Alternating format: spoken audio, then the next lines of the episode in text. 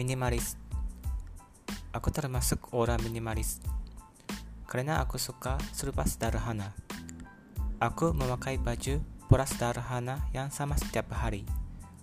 Mungkin aku punya lebih dari 10 biji kemeja yang berwarna sama.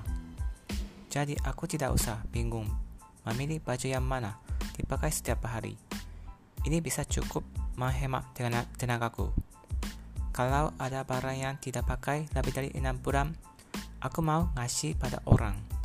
Kalau beli sepatu baru, aku aku buang sepatu yang lama. Kalau sepatu, aku tidak ngasih pada orang karena takut bau.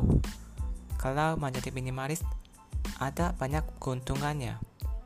Satu, kamarnya menjadi menjadi lebih luas. Ya, ini keuntungan yang paling jelas.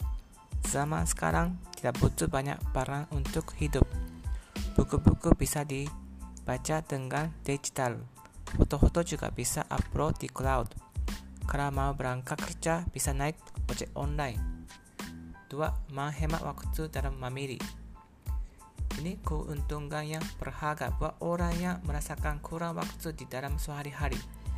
Aku pernah baca buku. Kita banyak menghabiskan tenaga di saat memilih sesuatu.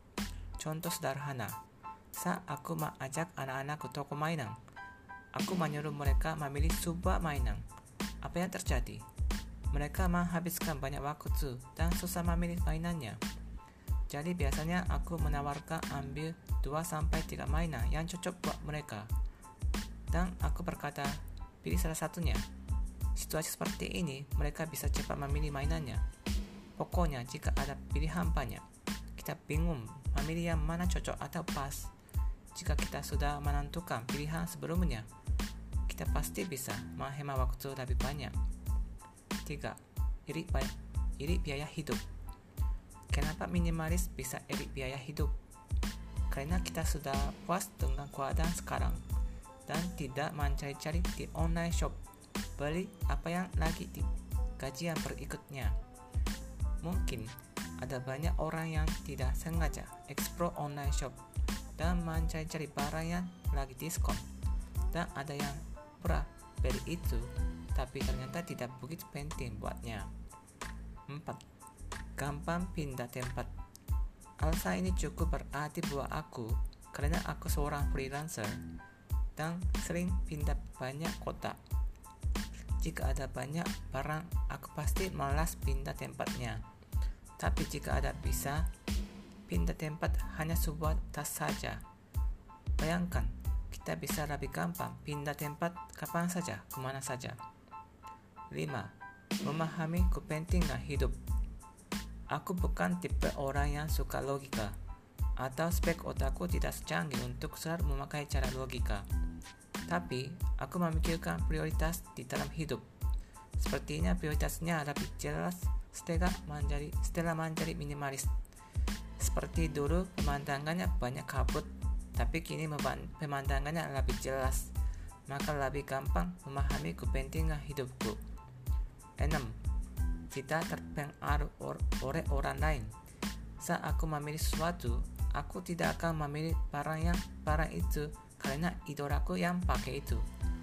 Aku lebih melihat buatan mana barang itu, Biasanya aku suka memakai barang yang buatan Indonesia karena jika kita berbanding dengan orang lain itu tidak ada akhirnya.